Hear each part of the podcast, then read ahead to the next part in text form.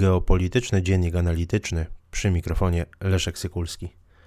Witam Państwa serdecznie. W Czechach trwa obecnie spór polityczny między nominowanym na szefa czeskiej dyplomacji Janem Lipawskim, reprezentującym partię Piratów, a prezydentem Miloszem Zemanem. Oczywiście mówimy o przyszłej koalicji rządzącej i o nawet takim wariancie, że nie dojdzie do sformowania nowego rządu a wszystko to rozbija się o stosunek Republiki Czeskiej do Chińskiej Republiki Ludowej.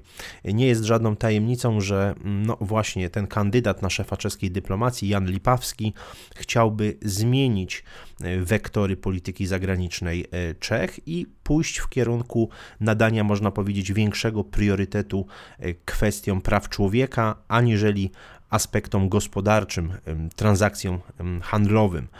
I taka postawa niewątpliwie stała się bardzo istotną osią sporu między przyszłym rządem a prezydentem Miloszem Zemanem. To stanowisko Partii Piratów jest, no, wydaje się być nieakceptowalne dla ośrodka prezydenckiego, który jest zresztą znany ze swojej takiej, no, jeśli nie prochińskiej, to na pewno postawy otwartej na współpracę z Chinami, podobnie zresztą jak na współpracę z Federacją Rosyjską. Jan Lipawski to były wiceprzewodniczący Komisji Spraw Zagranicznych e, i, e, i Obrony w czeskim parlamencie. No, to postać znana z takiej, można powiedzieć, ostrej krytyki, e, jeśli chodzi o ingerencję firm właśnie z Chińskiej Republiki Ludowej czy z Federacji Rosyjskiej w ważne czeskie projekty infrastrukturalne.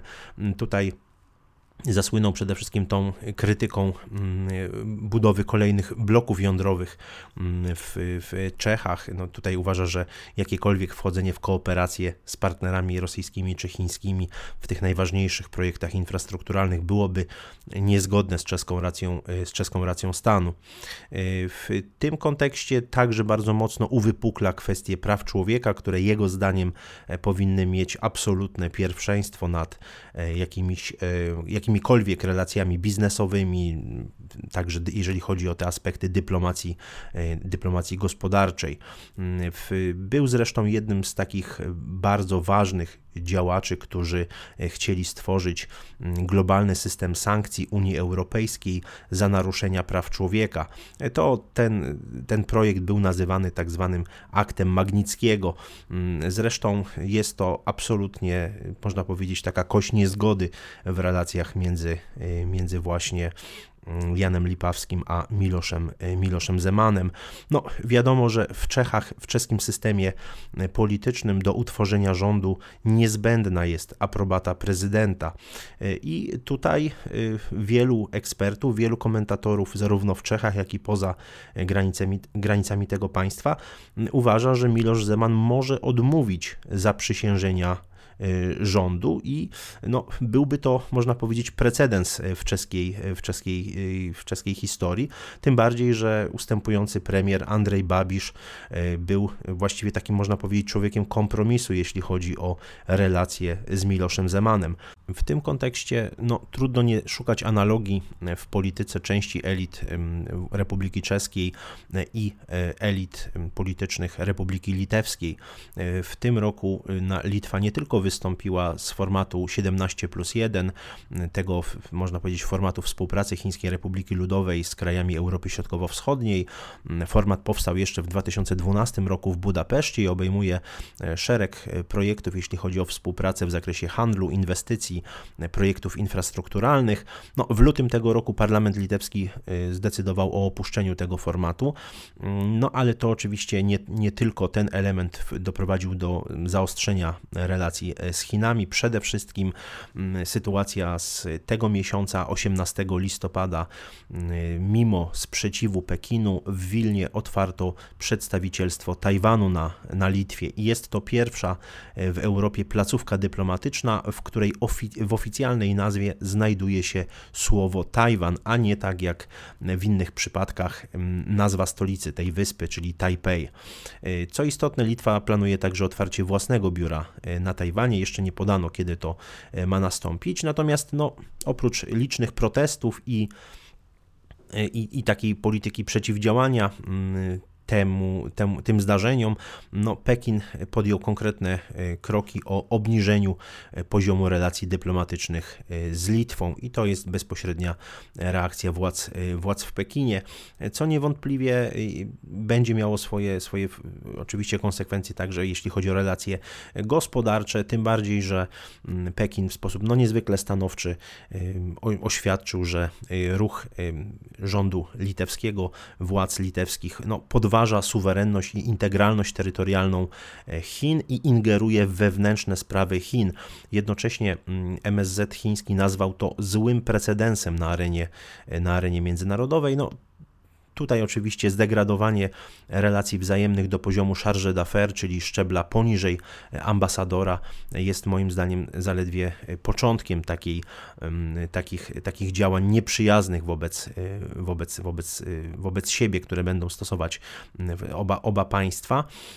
Biorąc pod uwagę fakt, że Gabrielius Landsbergis jest zwolennikiem nie tylko E, ścisłych relacji ze Stanami Zjednoczonymi, ale także, e, no, można powiedzieć, eşit takiego e, raczej mm, nieprzyjaznego stosunku wobec chińskiej inicjatywy jednego pasa, jednej drogi.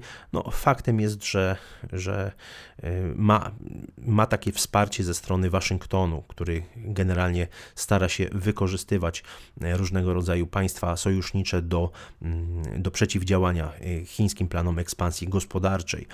Warto także wspomnieć, że jutro, 23 listopada, mm, właśnie Gabrielius Landsbergis y, udaje się do Waszyngtonu, gdzie y, ma sfinalizować umowy o współpracy gospodarczej oraz rozwoju wspólnych projektów y, infrastrukturalnych. To jednocześnie pokazuje, że mm, Stany Zjednoczone na razie przynajmniej dosyć skutecznie starają się paraliżować inicjatywę chińską 17 plus 1.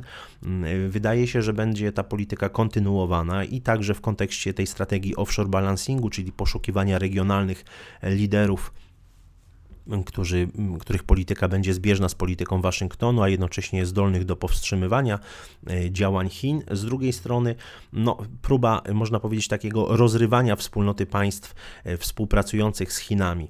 E, I myślę, że w tym kontekście, także w kontekście polityki czeskiej, warto zauważyć, że inicjatywa Trójmorza spełniała i spełnia nadal taką istotną rolę budowania alternatywy wobec chińskiej propozycji współpracy i wydaje się, że ta, ta polityka polityka amerykańska jest póki co e, dość skuteczna. Dość skuteczna, dość skutecznie hamuje mm, angażowanie się Chin w regionie. Także warto zauważyć, że Polska mm, nie angażuje się w e, wymianę handlową z Chinami na takim poziomie, na jakim e, moglibyśmy to robić, no ale z uwagi na te Ścisłe relacje sojusznicze ze Stanami Zjednoczonymi, zaangażowanie Polski w wymianę handlową z Chinami, e, moim zdaniem będzie napotykać duży opór ze strony lobby, lobby amerykańskiego czy proamerykańskiego, a pozostaje póki co niewiadomą, jak będzie wyglądała e, strategia, wspólna strategia Unii Europejskiej i Sojuszu Północnoatlantyckiego względem no, e, tego potencjalnego konfliktu między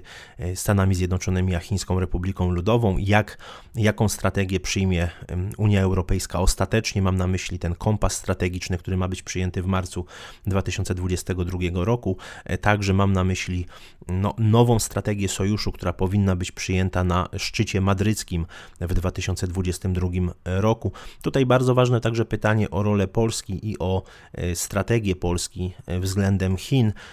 Czy Polska dołączy do tej wielkiej koalicji antychińskiej montowanej przez administrację Joe Bidena, czy też zachowa zachowamy większą wstrzemięźliwość, taką powściągliwość e, w tym zakresie. Widać tutaj bardzo y, usilne zabiegi dyplomacji amerykańskiej do, mm, do rozrywania, tak jak powiedziałem, tego bloku państw, które współpracują z Chinami. Nawet jeżeli ta współpraca jest współpracą wyłącznie gospodarczą, nie polityczną, mm, nie jakimś, nie jakimiś więzami ścisłymi politycznymi, widać, że tacy partnerzy, mm, czy junior partnerzy amerykańscy, jak właśnie Czesi czy Litwini, y, no, są używani do takiego testowania także państw członkowskich Unii Europejskiej właśnie jeśli chodzi o zmianę wektorów w polityce zagranicznej i polityce bezpieczeństwa. Dziękuję Państwu za uwagę.